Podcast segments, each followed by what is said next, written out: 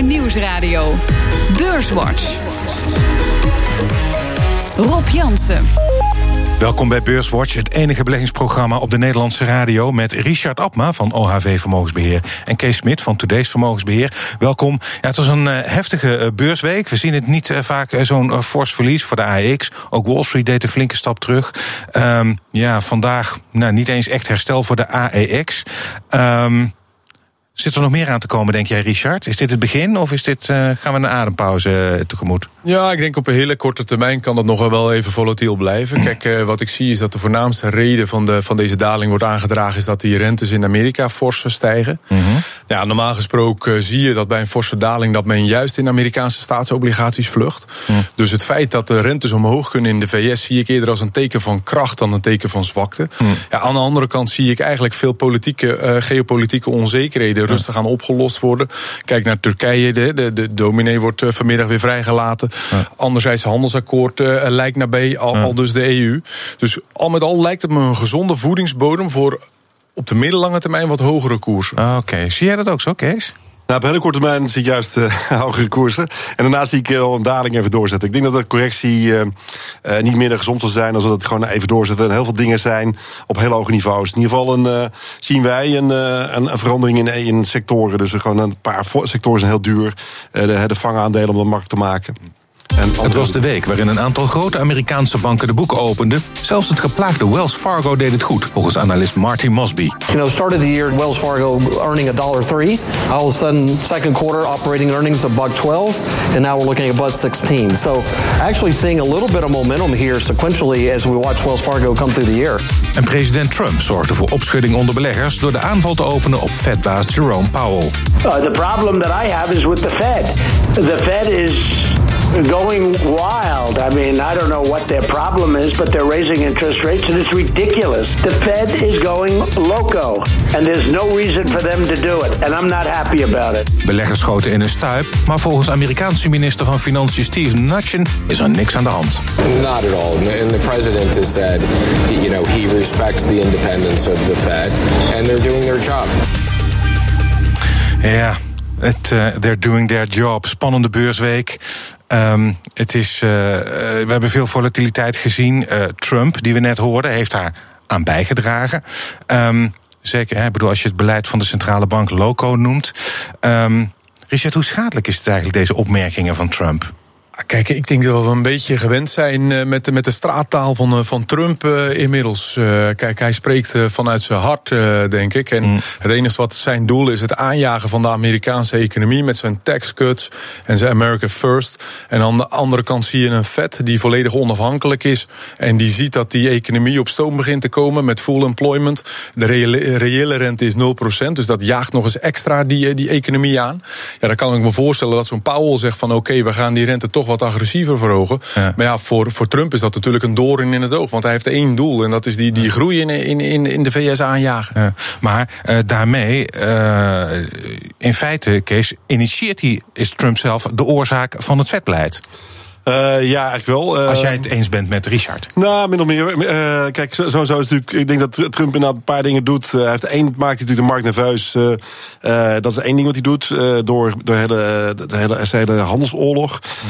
dat, dat zien we nu eigenlijk ook een beetje naar buiten komen. Dat is wat mij betreft eigenlijk de oorzaak van de volatiliteit. Met de, met de rente erbij. Dus twee dingen samen. Zorgen dan een soort mm. perfect storm krijgt eigenlijk. Uh, ja, voor de rest vind ik het natuurlijk. Ik, ik vind het al wel schadelijk als politiek zich bemoeit met uh, de centrale banken. Dus dat vind ik echt een, uh, wel schokkend. Maar aan de andere kant, laten we, ik neem hem niet meer serieus, die man. En laten we hopen dat de rest van de markt het ook niet doet. Ja, ik denk wel het, het, het, is wel, het is wel de president precies, van, dat, uh, van het machtigste land ter wereld, nog steeds. Ja, maar dat, is juist, uh, dat maakt hem juist zo gek, om het zo te zeggen even. Dus in die zin ben ik niet uh, lid van zijn fanclub. En ja, het, hij, hij kraamt wel ja, rare dingen uit, maakt rust met iedereen. En, als je kijkt naar die handelsoorlog, kijk, hij heeft net een deal gesloten met Mexico, hij heeft een deal gesloten met Canada, hij is ja. weer op goede voet inmiddels met Europa. Ja. Kijk, wat, wat Trumps programma uiteindelijk is, die wil met name China hard aanpakken. China heeft het Made in China plan 2025, willen ze duizend miljard meer gaan exporteren dan dat ze nu doen. Ja. En dat gaan ze doen in high-end goederen. Uh, in pharmaceuticals, uh, pilletjes, uh, vliegtuigen, auto's, noem maar op. Waar zit die export nu met name? Dat zit in de Verenigde Staten. Dus het hele apparaat van de Republikeinen willen dat plan van China ondermijnen. En hoe doe je dat? Nou, bijvoorbeeld door importheffingen te gaan rekenen, noem maar op. Dus, dus dat is naar mijn zinziens het cruciale plan van de Republikeinen richting bijvoorbeeld de Chinezen. En dat is dan de handelsoorlog. Maar nu zoekt hij weer maatjes met, met, met een Amerika, of sorry, met een Canada en met een Mexico om ze weer tegen China te laten richten. Ja, dat is het spel dat hij speelt. Mm. Ja, in dat spel Um, waarbij, hè, dan grijp ik even terug op waar we het net over hadden, uh, die uh, uh, rente, die loopt op. Dat, de, de, de Fed moet min of meer die rente wel verhogen. daar zijn nog belangrijke slachtoffers gevallen. Landen die ja, in hun lokale valuta verdienen, maar in dollars hebben geleend. We kennen de problemen van Turkije. Argentinië is waarschijnlijk wel een iets ander verhaal. -hmm. Maar je ziet dat dat twee belangrijke emerging markets zijn die het moeilijk zijn. En deze week heeft Pakistan officieel bijstand gevraagd gevraagd van het IMF. Ja. Is, zijn we hier getuigen van het begin van een domino-effect? Ja, denk, dat denk ik niet. Kijk, destijds, in, bijvoorbeeld als je doelt op de Azië-crisis mm -hmm. 98, zag je dat begon in Thailand. Dat spreidde vrij snel uit naar omringende landen. En daar gingen alle valuta's heel snel onderuit. Ja. Nu zie je bijvoorbeeld dat in Brazilië en Rusland de recente valuta's weer hard oplopen. Ja. Dus dat, dat, dan is er al geen sprake meer van een domino-effect. Mm. Ik vind ook dat een, een, een, Pakistan is een heel ander verhaal weer dan bijvoorbeeld een Turkije. Pakistan heeft dubbel, dubbel last eigenlijk van en van de hogere olieprijs wat ze raakt in hun importen. En aan de andere kant hebben ze last van de hogere rentes en de sterkere dollar, omdat ze voor 30% van hun BBP lenen in Amerikaanse dollars. Maar een Turkije, ja, dat, dat, is, dat heeft weer een hele andere oorsprong uiteindelijk. Kees. Ja, het is inderdaad een mix van, van heel veel verschillende factoren waardoor ze last van hebben. Maar uiteindelijk is er wel een katalysator. En uh, die heet inderdaad in dit geval Trump. En die heet ook inderdaad rentebeleid uiteindelijk. Ja. En, en, jij bent het dus ook wel eens met de analyse dat, het, dat we hier niet het getuige zijn. Nou ja, ik, in die zin denk ik wel dat dat uiteindelijk wel een uh, getuige kunnen zijn. Van, van, uh, maar het gaat allemaal veel langzamer. Het is niet. in de Azië-crisis ging dat veel sneller. En dan ja. hadden we elke, elke, elke dag aan een ander land. Mm. En nu duurt, dat, duurt dat langer gewoon even. En kijk bijvoorbeeld naar Turkije. Dat, dat lijkt alweer naar de achtergrond te gaan verdwijnen. Vandaag die dominee vrijgelaten. Mm. Hè, dat was toch een hot issue, ook voor ja. de Verenigde Staten. Ja. Maar is daarmee, uh, is daarmee het, het probleem, uh, dat, dat, dat verandert niets aan de economische fundamenten van Turkije. Wat overigens nog best wel redelijk groeit trouwens. Nou, kijk, en de overheidsfinanciën zijn niet slecht. Maar de schulden, het probleem, dat, dat, dat staat los van die uh, pastor die vandaag is vrijgelaten. Absoluut. Kijk, dus ze hebben daar een uitdaging, zeer zeker. Maar de vraag was, of is, of, mm. of het een domino-effect teweeg kan brengen naar omringende landen. Ja. Kijk, als het een lokaal Turks probleem blijft, ja, dan zal dat geen effect hebben op internationale financiële markten. Ja. En als we nog even de hand in eigen boezem steken en kijken naar Italië. Hè, want we kijken, als je kijkt naar allerlei geopolitieke problemen. Um, uh, ik, de, de, de, de Italiaanse rente met, uh, nou, volgens mij 20 of 30 basispunten gestegen, -hmm. de tienjaars ja. uh, deze week. Kees? Ja, ja ligt, we gaan dan richting Griekenland, een meisje. het is nog niet, niet Griekenland op zelfs topje. Maar, nee, maar je ziet, kijk, sowieso het Italië moet ik wel weer zeggen dat, dat zou ook wel weer geschrokken zijn van de marktreactie. Mm. de markt heeft er heel hard gereageerd. En daarmee zien we eigenlijk dat, dat ze ook wel weer een beetje gas terug hebben genomen.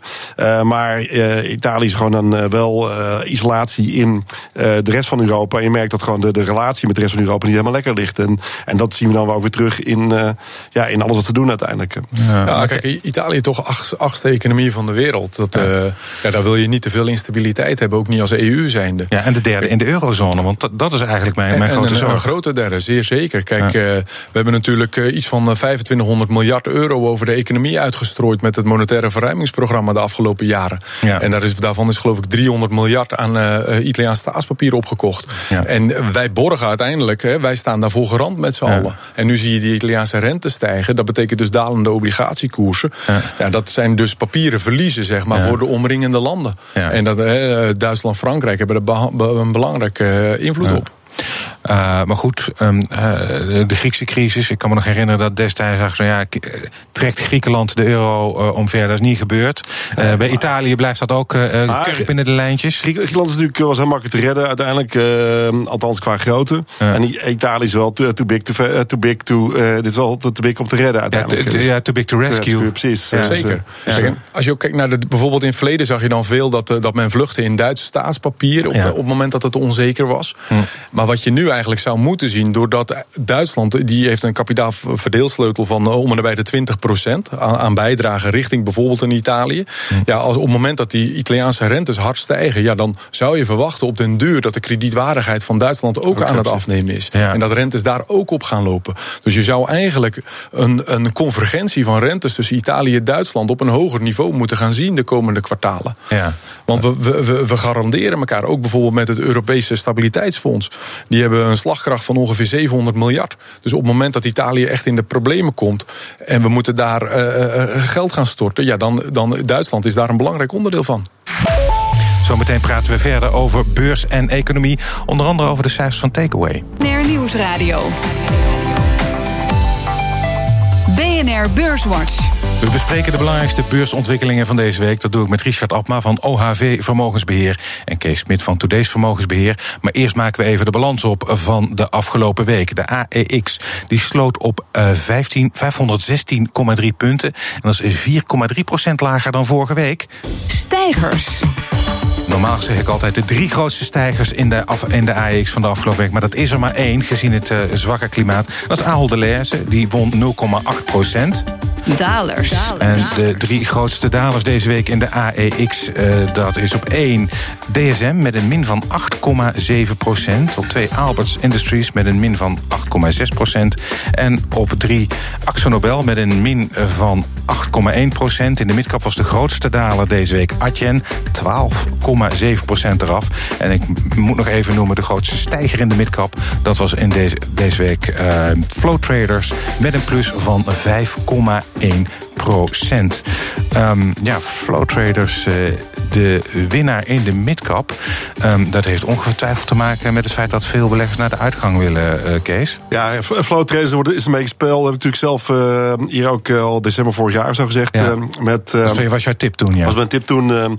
waarbij ik zei van ja, als, als we volatility krijgen weer, dan is Flow Traders het spel. En nou, we hebben nu weer volatility gekregen deze week. En dan zie je ook meteen dat Flow Traders meedoet. Mm. Ik moet wel zeggen dat ik nog wel iets, iets verder kan. Maar als, als uiteindelijk de echte crisis doorzet of een echte daling, zou ook flow traders meegaan naar beneden uiteindelijk. Dus het is niet helemaal een één op één hedge. Ja, ze profiteren natuurlijk van de volatiliteit op de markt en handelen daarin. Dus dan...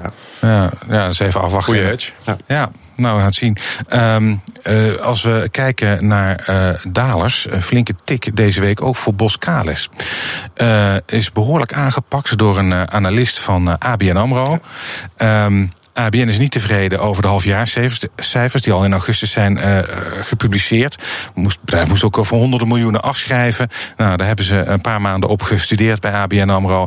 En uh, ja, helemaal uh, afgefakkeld, zou je kunnen zeggen. Kees, ben je ook zo somber over Boskalis? Nou, op deze niveau is niet meer, maar het was, natuurlijk wel een aandeel wat al heel lang, wat mij betreft, een beetje los van de aarde was. En, en heel erg enthousiast iedereen over was, een beetje te enthousiast. Hm. En rond deze niveaus begin ik het wel weer een interessant aandeel te vinden. Uh, ja, zijn ze, eigenlijk, ze zijn weer gewoon terug op aarde, zullen we maar zeggen. Hmm. Kijk, wat je wel ziet de afgelopen week is dat er behoorlijk wat eh, shortsellers in het aandeel gekomen zijn. Is, ja. uh, 6,3% van de uitstaande aandelen worden verkocht zonder dat partijen ze hebben. Dus dat, dat is best fors. Ja. En anderzijds met een koers... Die gaan er dus vanuit dat dat nog verder gaat dalen. Exact, maar met de koers-winstverhouding van de 28 vind ik het nog steeds wel een uh, vrij duur aandeel, moet ja, ik zeggen. Ja, uh, zeker hun negatieve vooruitzichten die ze zelf afgeven, vind ik ABN uh, AMRO nog niet eens zo gek uh, momenteel. Hmm. En de shorts, moet je alleen wel weten dat het natuurlijk dat wel historische cijfers zijn. Hè? Dus, niet, dus die kunnen ondertussen deze week gemeld. Die kunnen al wel, maar deze, week, deze week alweer hun positie weer. Dat kan, maar ja, deze week gemeld dat ze short gegaan zijn, dan, dan is het een heel kort ritje wat ze gepakt hebben. Dat was, het was ingegeven, dus ja, dat is waar. Dat is waar. Ja, wat wel uh, interessant is, is dat uh, het cijferseizoen weer een beetje op gang begint te komen. En Takeaway.com, de eigenaar van thuisbezorgd.nl, uh, kwam niet met echt volledige cijfers, maar wel een, een, een soort trading update in Duitsland. Dat is de belangrijkste groeimarkt voor het bedrijf. Daar steeg het aantal orders met 40 procent. Um, toch in deze moeilijke beursweek, Kees, verloor takeaway per saldo zo'n 5%. Um, is dat toe te schrijven aan de malaise of aan de cijfers? Vond jij de cijfers toch wel goed? Ja, ik denk het uh, aan de is. De, maar ik, uh, ik, ik ben wel eerlijk in dat dat niet mijn favoriete aandeel is. Ik, ik, uh, ik heb ook wel eerder geroepen steeds van. ik, ik denk niet dat er marges kunnen komen van wat mensen op een fiets. en uiteindelijk zij profiteren van, van andere mensen die maaltijden maken. Mm. dus ik, ik denk dat daar uiteindelijk dat het model niet enorme winsten kan, kan opleveren. Mm. Althans, gewoon tot beperkte mate. En je, ja. het gaat om de, de winner takes all inderdaad. Dus in, ze hadden Duitsland nodig. En in die zin hebben ze dan wel een weerstand stap gezet, uiteindelijk de goede kant op. Mm. Ja, ja dat, Richard? Het is heel lastig om, om de waarde van zo'n aandeel te bepalen. Het maakt mm. verlies, 30 miljoen op ba jaarbasis. Ze maken ruim 200 miljoen omzet. Het heeft een uh, marktkapitalisatie van een uh, dikke 2 miljard. Zo Tesla. Ja, dus, dus en ze verwachten dan eind 2019 voor het eerst winst te maken. Ja. Ja, ondertussen, Duitsland groeit inderdaad hard, maar ondertussen zie je natuurlijk een Uber Eats, een Deliveroo. Concurrentie neemt toe. Dus ja, wat Kees zegt, hoe zit je verdienmodellen in elkaar? Kan je dat gaan waarmaken in de toekomst in dit soort waarderingen? Ja, ik vind dat een hele, hele lastige. Ja. Zelf wel blijven. Ja. Uh, opmerkelijke beursnieuws deze week ook. Um, uh, leaseplan. Ja. Dat uh, zou naar de beurs gaan. Um, en dat is afgeblazen. Uh, in een korte mededeling werd het beurssentiment genoemd als reden. Dat kan ik me ook wel voorstellen, want dat, uh, dat, dat, was ook uh, beroerd. Um, maar het is wel al de tweede keer dat ze een beursgang afblazen. Kees, denk jij dat ze voor een derde keer de handen nog op elkaar krijgen? Nou, ik denk dat het heel moeilijk wordt uiteindelijk. En ik, ik vond ook nog niet. Kijk, nogmaals, ik zit al een tijdje short. dus ik had afgelopen week een goede week. Maar het was nog niet zo dat dat er zo enorme paniek was. Dat we, dat we met z'n allen uit het raam sprongen. En dat de voorkant van de kranten met grote dikke letters stond dat de beurs gecrashed was. Dus in die zin vind ik eh, de beursentiment een beetje veel wat goede. En zeker als je dan kijkt, er waren een hele rits andere IPO's. Uh, je had Elastic in, in eh, Amerika. Ja. Die ging voor 36 dollar naar de beurs, stond dezelfde dag 70.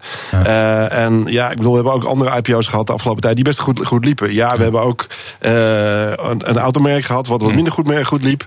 Maar dat, dat ging ook wel heel hoog naar de markt uiteindelijk. Hè. Dus Austin Martin in dit geval. Ja. Ja, alleen, kijk, Elastic met leaseplan vergelijken is natuurlijk een beetje nee, nee, lastig. Nee, dat, dat, dat, dat, is gaat meer om even.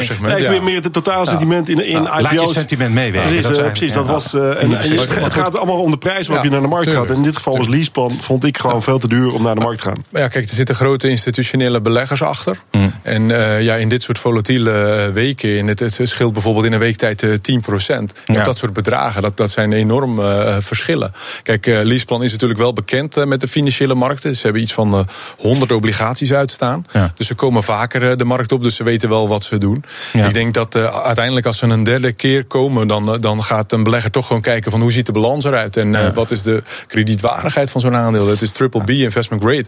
Dus ik denk dat het dan uiteindelijk gewoon weer uh, met open armen ontvangen wordt. maar als je, ze moet ook niet te lang gaan, want uiteindelijk de, de we hebben laatst een presentatie gegeven over de millennials. uiteindelijk de, de, de, nieuwe, de nieuwe kids die willen helemaal niet geen, geen geen, uh, geen eigen auto hebben. En uh, hmm. die willen dus ook niet speciaal een auto leasen uiteindelijk. Dus hmm. uh, er zitten meer in de deel, deel economieën.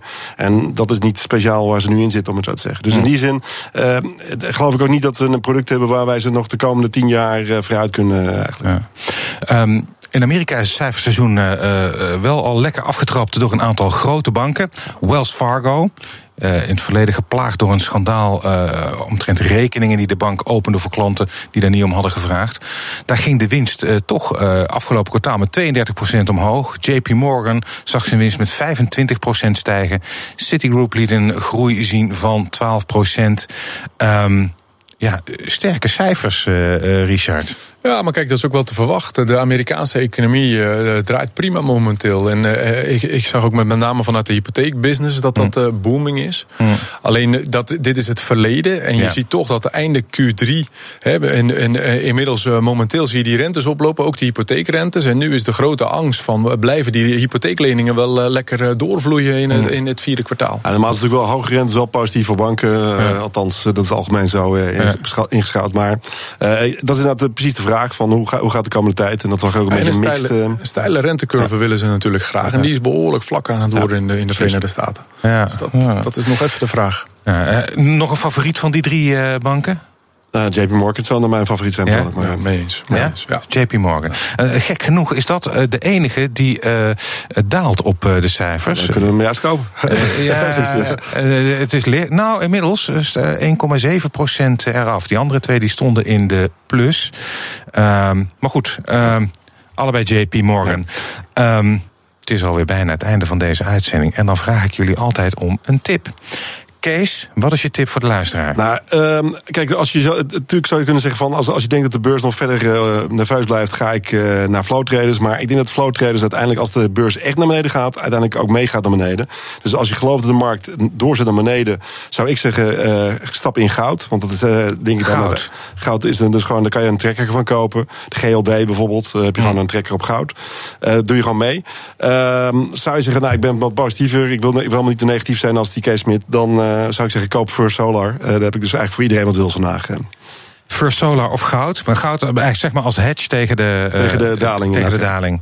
Ja, mijn tip is eh buy the dip.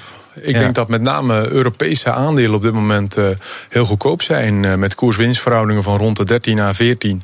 Dividendrendement van 4% Zou je prima een, eh, bijvoorbeeld een Eurostox 50 ETF kunnen kopen. Dat is de meest liquide beurs van, van Europa. Met 50 blue chip ondernemingen daarin opgenomen. Ja. Ja. dan denk ik toch, als je van een, van een herstel in Europa wil profiteren... dat je, dat je een dergelijke ETF prima in je portefeuille kan hebben de komende kwartalen. En daar krijg je nog eh, eh, op. En dat vind ik het al het nadeel van eh, goud. Of, eh, krijg je ook geen dividend. Nee, precies. Dus, eh, nee, precies. Nou, goud is natuurlijk, maar je kan wel call schrijven als je dat zou willen. Dan krijg je op die manier krijg je rendement erop. eh. Eh, z- zelf een, eh, eh, een beetje hobby. En ja. Europese aandelen, eh, jij pro? eh, Nou, kijk, ik, ik denk, eh, ik zou wel de. Ik doe al een tijdje de spread. eh, als voorbeeld ook in, in auto-aandelen. Dat ik zit Tesla short en ik heb eh, Daimler long. Mhm. Eh, dus ja, ik, ik vind Europese aandelen veel goedkoper dan Amerikaanse aandelen. Eh, maar eh, ja, dat wil niet zeggen dat ze gaan stijgen. Eh, nee, ik niet, zo, ik zal niet alleen maar durven te hebben, inderdaad. Precies. Dus, Wij, eh, wij, wij, onze, onze koersdoel eigenlijk de komende 12 maanden voor, voor de Eurostox 50 is Hm. eh, 3800 tot 4000. Als je dan nu ziet dat je rond de 3200 bungelt, heb je toch zo'n 20 tot 25 procent koerspotentie. Nou, helder. Hartelijk dank, eh, eh, Richard Abma van OHV Vermogensbeheer en Kees Smit van Today's Vermogensbeheer. Dit was BNR Beurswatch. Terug te luisteren via de site, de app, iTunes of Spotify. En graag tot volgende week.